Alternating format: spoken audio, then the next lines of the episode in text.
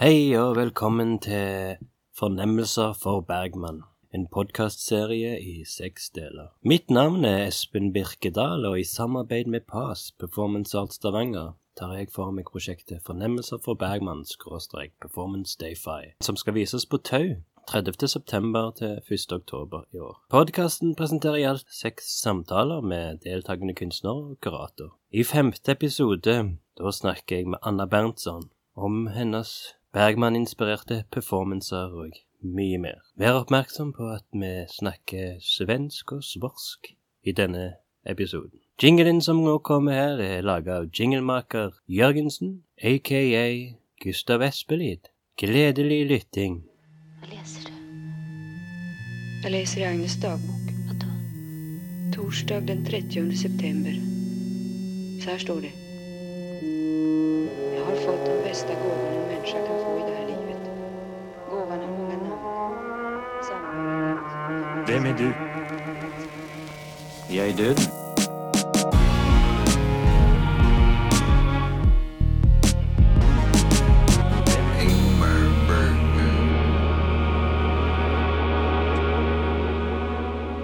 Jag hade en lång period i mitt liv då jag betraktade biografen som den enda tillflykt där jag fick vara i fred och där mina demoner lämnade mig.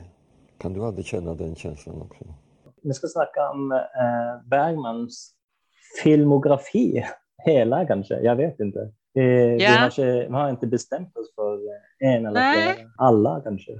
Ja, alltså jag gjorde många Bergman-collage Ah, till hans 100 mm, jubileum mm. 2018. Så Ja. gjorde jag en hel serie av 20 bilder, 20 collage, där jag tog screenshots från, från scener från filmer och så var jag tillsammans med ett fotograf i en eh, studio.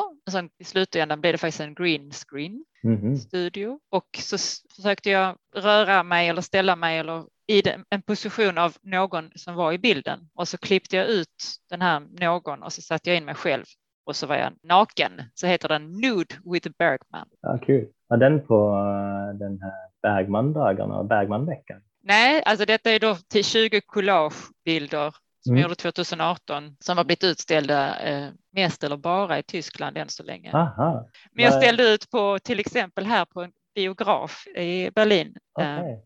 Babylon. Mm. Så, och då var till exempel också Liv Ullman här på ett talk. Och så var det, hade de, vad heter hon, Margareta från Trotta och Knut Elsterman är en sån som gör ett program här på radion om filmer och så. Så det var olika talks där på biografen och så visar de ju också Bergman-filmer såklart. Aha. Och så har de ett, någon slags korridor eller ett rum i eh, den här biografen där jag hängde de här bilderna. Var de stora? Hur stora var bilderna? Det kan jag säga exakt till dig. Ja, tack. Ska jag öppna min egen hemsida. Där har jag ju mest all min information. Ja, ja, den var inne. Den var fin. Det är alltid superfin. roligt när man själv kan använda sin hemsida att informera sig själv om sina egna. Så de stora bilderna var 70 gånger 100 centimeter. 16, 16 till 9, alltså bio. Sen finns det ju Mm. vissa av filmerna hans som är mer tv-format, alltså 4 till 3 och de var Ja. 50 gånger 70. Ah, men du har gjort eh, performancer med Bergman som tema för det? Ja, Mm. och jag var ju på Bergman-gårdarna, sån residence, Mm. Fårö. 2013 på Fårö. Det står på din hemsida. Och eh, det var också ungefär då jag började med collage, så det var sen när det var hans jubileum då 2018 så liksom kom det tillsammans i mitt huvud på något Mm. sätt. Jag gjorde en performance på Bergman Center när jag var där som hette Du fick, Du fick svart. yes. Satt vi framför ett schackbräde, jag då, men alla pjäserna var vita och så heter den Du fick svart. yes. Eh, Och så kunde man sätta sig då som publik mitt emot mig och var den här möjligheten att lite så där inspirerat från uh, Night Sea Crossing, Marina Ulaj eller då The Artist is Presence, publiken och jag kunde se varandra in i ögonen. De kunde inte ta de eh, brickorna. Jag har gjort den på lite olika sätt, eh, Mm. men just när jag gjorde den där och då jag gjorde den första gången så, har, så var det liksom en glasskiva Ja, mellan publiken och bordet så de kunde bara sätta sig på stolen och så var det en glasskiva så satt, var bordet bakom glasskivan och så satt jag där. men var det schackbrättet från Syvningsseglare? Nej, det finns tyvärr inte. eh, Okej. när Bergman dog så auktionerade de ut han, Ja, alla hans ägodelar. Men så Mm. var det så här att det var en norsk kille som köpte nästan allt Wow, är det sant? och så gav han tillbaka det och så byggde han upp det här Bergman-gårdarna Ah. På Fårö. Egentligen mot Bergmans vilja, för Bergman ville inte ha, ha ett, eh, eh, liksom ett monument till sig själv. Men så auktionerades ut hit och dit, men så det, fick han nästan allt och så förde han tillbaka det till Fårö. Men just schackbrädet eh, inte. Jag Mm. frågade om det när jag var där. Ja. Det fanns om jag kunde låna det, men, Men- det, det finns inte där.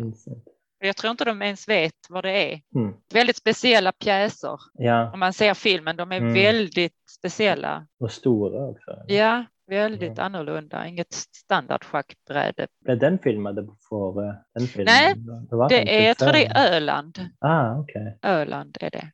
Eh, Det var innan han upptäckte det här stället öster om Gotland, Fårö. Det var så att han egentligen han ville till Orkney Islands, det är väl vid Skottland någonstans tror jag. Det har ett väldigt speciellt landskap och där ville han filma någonting. Och det var Persona, om det var någonting annat, det vet jag inte. Jag vet inte om det var för SVT eller SF eller vem det var som producenterna som sa att nej, men det har vi inte råd till Orkney Islands. Det är alldeles för dyrt att filma där. Men så var det någon som jag inte vet vem det var som sa, men det finns ju den här ön i Sverige som har lite samma känsla, samma landskap. Fårö öster om Gotland. Och då, om jag har förstått historien rätt så åkte han dit och förälskade sig i ön och flyttade dit mer eller mindre direkt och började då filma där. Jag tror det var efter sjunde inseglet. För sjunde Ja. inseglet var jag till och med på 50-talet va? Ah, 57. tror jag. Ja, och Mm. det här, jag tror detta är mer 60, början på 60-talet, så det är några år senare. Ja, från Persona, visst det var den första, så var väl den 63? Mm, jag tror det.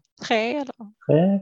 Jag vet inte. Jag kan, kan kolla. Kan kolla.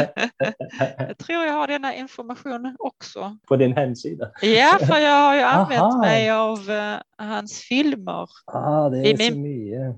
Ja, det sjunde insteget 57 Ja. och Persona 66. 66, ja. Så det är nio gammal. år senare. Wow. Alltså när jag började jag med de här collagen, så eftersom jag då inte är, eller rättare sagt, jag är bildkonstnär men Mm. arbetar som, med performance som Mm. huvudsaklig konstform. Jag, är, jag måste ju göra någon slags performance. Det är ju egentligen det som är mitt huvudintresse med allt. Ja. Och så hade jag den här idén med collage och hur kan man göra live-collage? Och så hade jag gjort det något år innan framför kam en kamera. Då Ja. hade jag liksom en kamera som filmade mig. Det streamades till en utställning i Toronto i Kanada.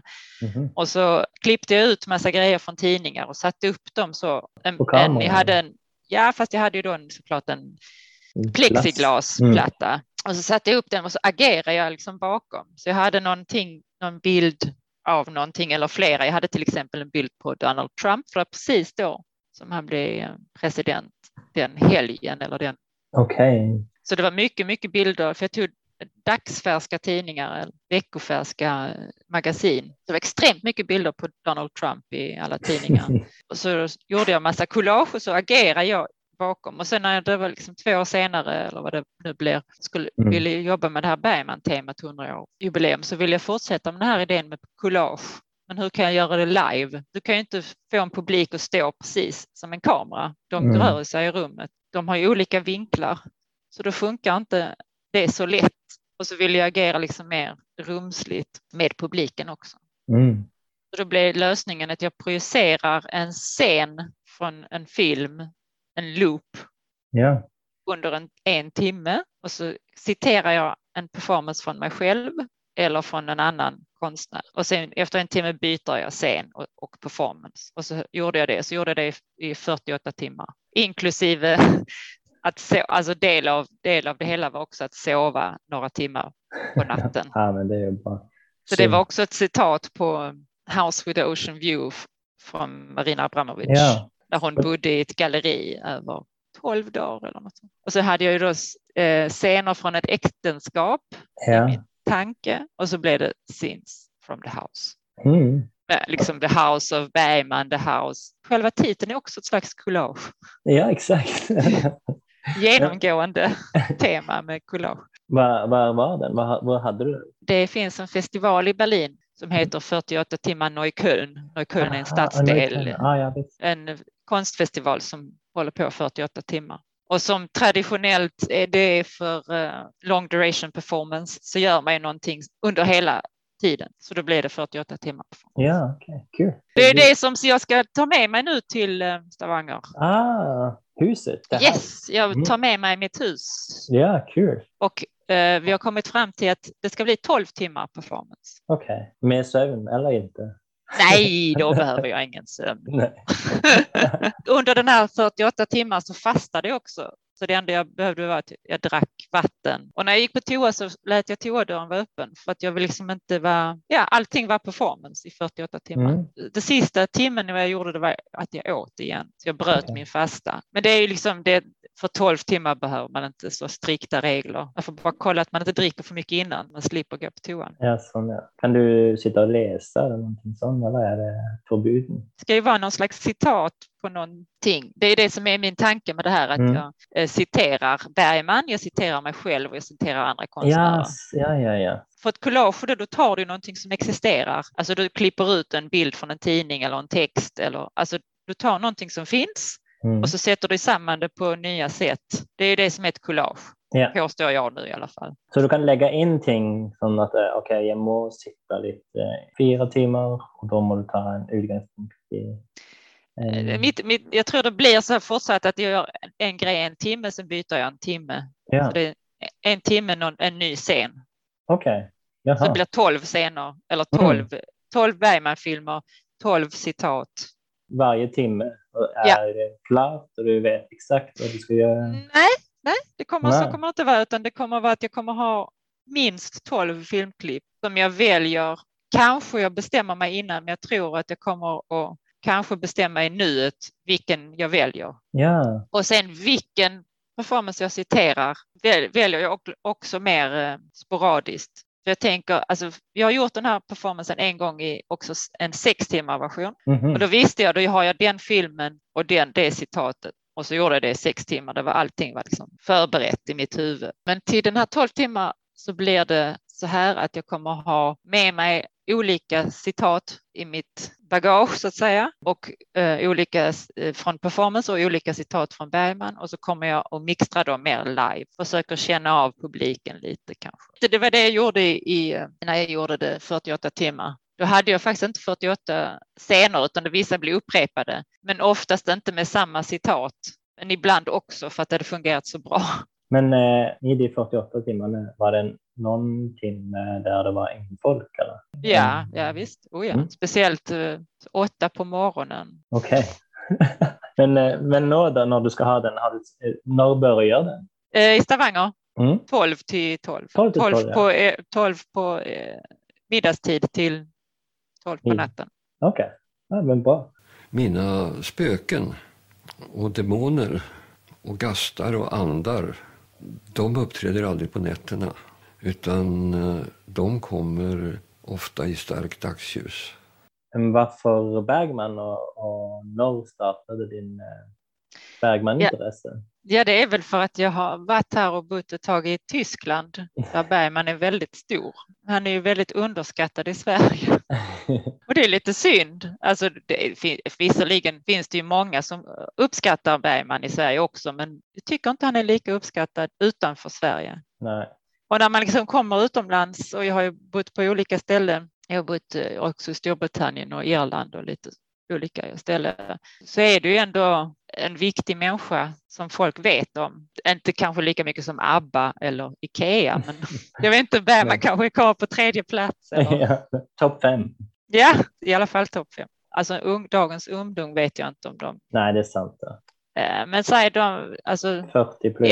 Ja, minst. sen, är det ju, sen har jag blivit citerad så mycket av Eh, Woody Allen och sådana. Så att jag menar, sen de som har tittat på Woody Allen har ju också tittat på, alltså det är ju så att då tittar man ju ofta tillbaka, vad, vad har han inspirerats av? Och så har de sett, mm. funnit Bergman. Mm.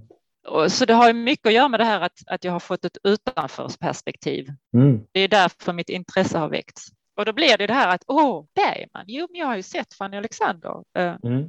Och jag har ju sett Alltså så, och sen blir man liksom mer och mer intresserad av varför är de så fascinerade av honom? Så börjar man titta mer och mer. Alltså jag hade ju sett en del, men absolut inte allt han hade gjort. Och så var jag varit och tittat på Bergman-filmer här i Tyskland då. Mm. Ja.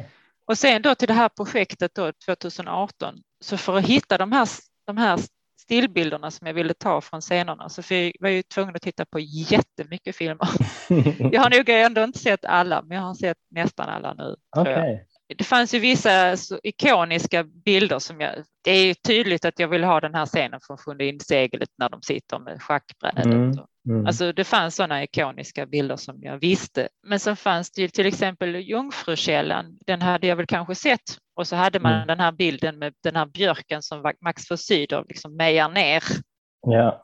Men just varför han gjorde det, det visste jag nog inte mer, även om jag kanske hade sett den. Aha. Vilka scener jag valde hade också lite att göra med vad som hände innan och efter eller varför. Vissa bilder är ju väldigt vackra, men till exempel det här med, det han har ju precis fått reda på att hans dotter har blivit våldtagen och mördad och de som har gjort det bor hos honom. Mm. Och det är då han går med ner den här björken. Så det är liksom en jättevacker bild, Mm. men det är ju en fruktansvärd situation.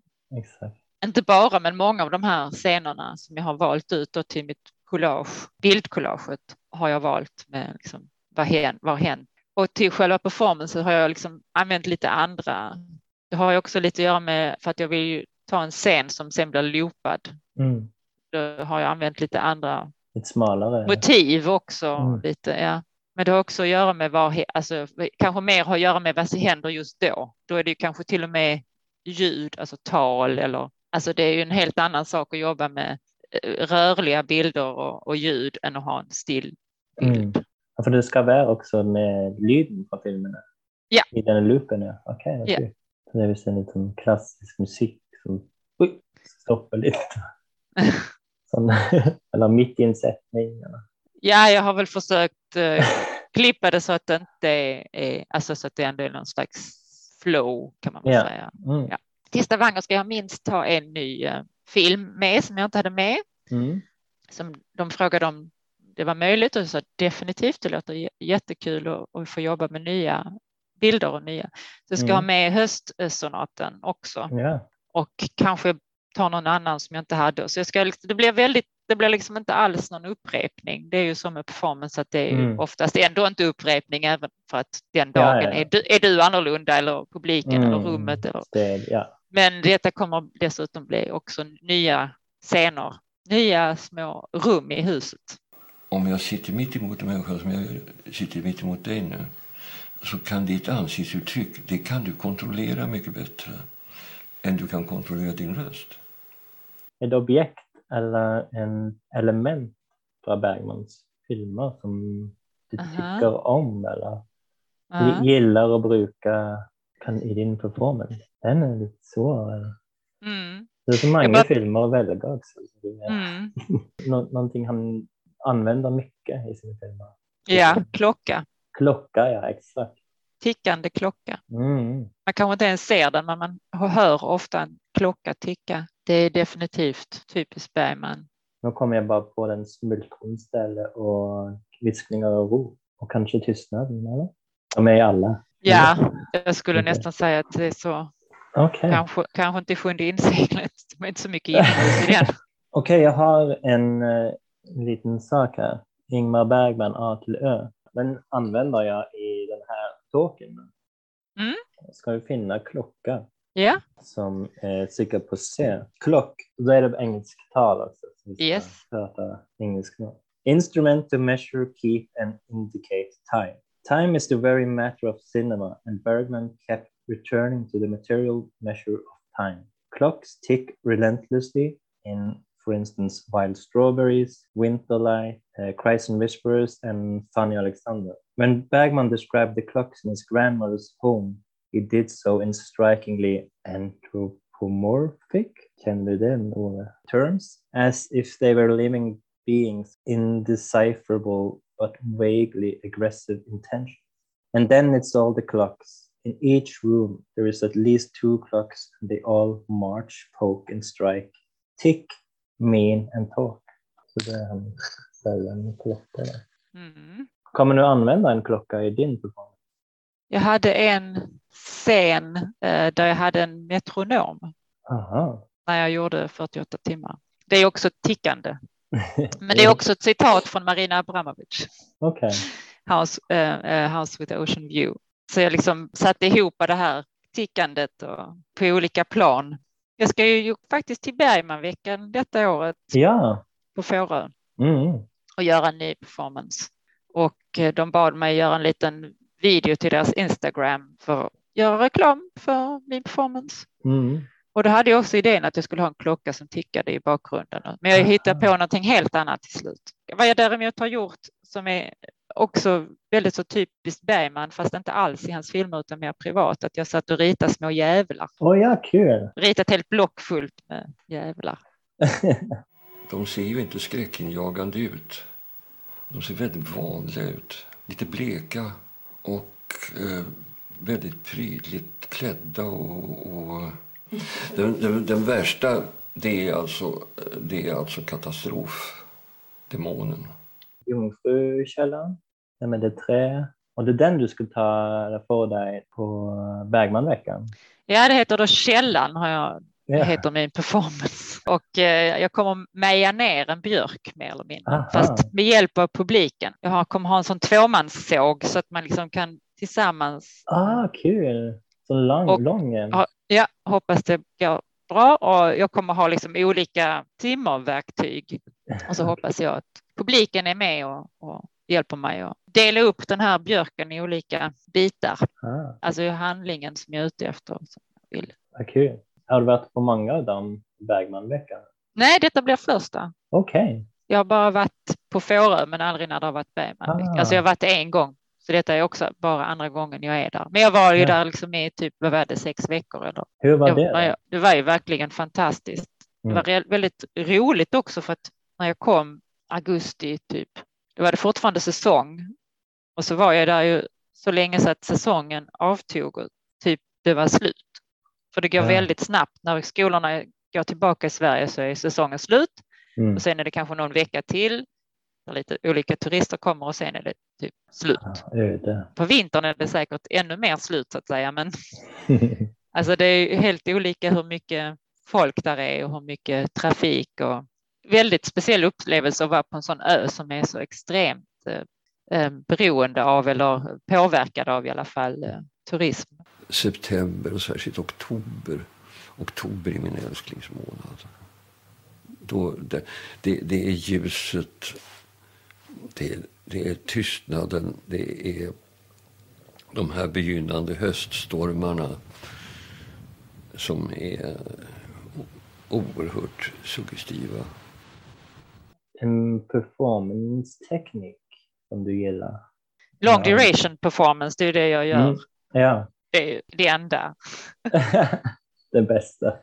Det bästa, det enda. Nej, men eh, jag tror jag är sån, så jag har hittat det liksom. Är du tålmodig eller har du god uthållighet? Tydligen så har jag väl, har jag väl det. När startade detta då? Dina... Det har väl byggt upp och jag gjorde inte så long duration, men någonting åt det hållet när jag studerade i Storbritannien.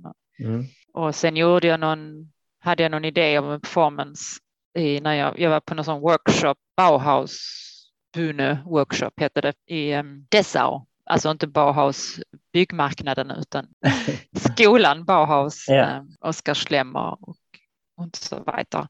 Då hade de en workshop, då var, där eh, deltog jag i den här workshopen och mot slutet så gjorde jag en performance som var liksom, jag vet inte om det var en timme eller två, men det var liksom nog min första, så lite längre. Mhm.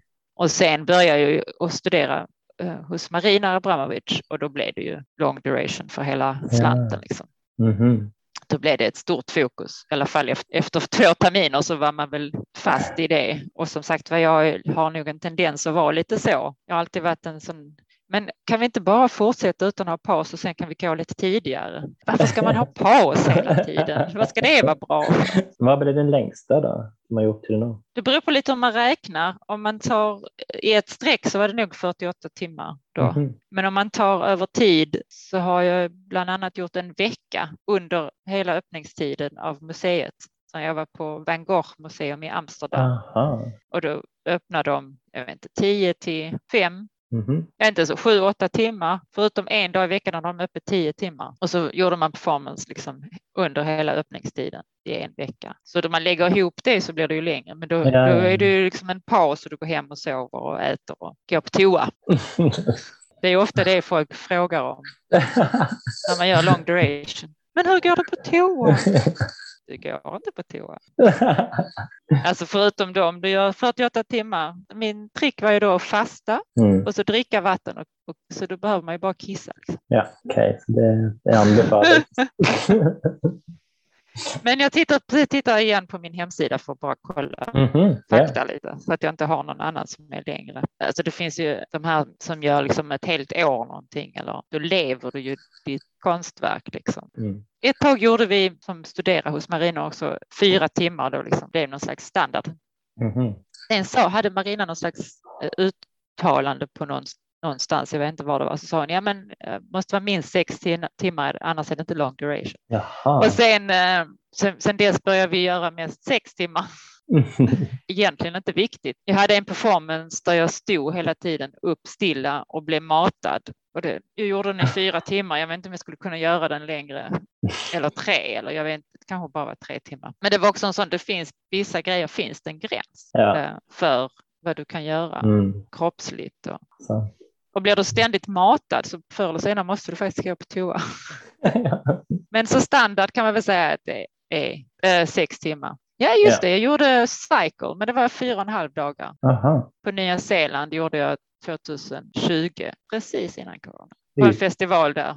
Utan eller? Nej, det var utomhus och det var liksom från typ eh, 10 till och så slutade jag precis innan det blev mörkt. Så det kanske då åtta ungefär. Och så tror jag jag hade någon sån halvtimmes paus i mitten för att dricka lite vatten. Mm. Och kissa? Nej, ja, ja, ja ibland. Annanvar dag.